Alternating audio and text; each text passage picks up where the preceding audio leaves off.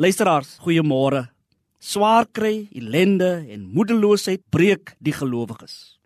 In Matteus 26 vers 26 is daar vier werkwoorde. Jesus het die brood geneem. Hy het die seën gevra. Hy het dit gebreek en hy het dit gegee. Dis die vier woorde. Die brood geneem, seën gevra, dit gebreek en vir sy disippels gegee. En nou sê Henry Nouwen dat ons lewensomstandighede ons soms ook breek. En daarom die gebreekte brood volgens Matteus wat ons ook in die nagmaaldienste ervaar en beleef, herinner ons ook aan Jesus se liggaam wat vir ons gebreek is as gevolg van ons sonde. Sy liggaam wat gebreek is, wil ons ook herinner aan ons eie lewe, ons drome, ons inspirasies wat soms afgebreek word. Ons leef ook in 'n gebroke wêreld en die Christene beleef hierdie gebrokenheid op die ergste.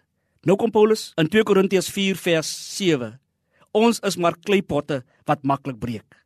Wanneer ons gebreek word, swaar kry, het ons 'n pyn en verlatingsheid ervaring. Ons ken verlies.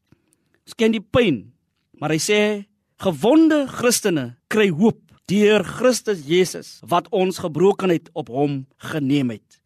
Hy sê ek wil die vermoeides wat belas is, wil ek help. Ek wil hulle seën. Ek is altyd daar vir hulle. Hy sê ook dat deur sy kruisoorwinning het hy alles wat stikken is, het hy heel kom maak. Hy is die een wat altyd daar is vir ons. Hy is die een wat gee, wat ons vra, Sy liggaam is gebreek sodat ons in hierdie swaar ellende, moedeloosheid nie verlate is nie, maar steeds hoop in hom sal hê.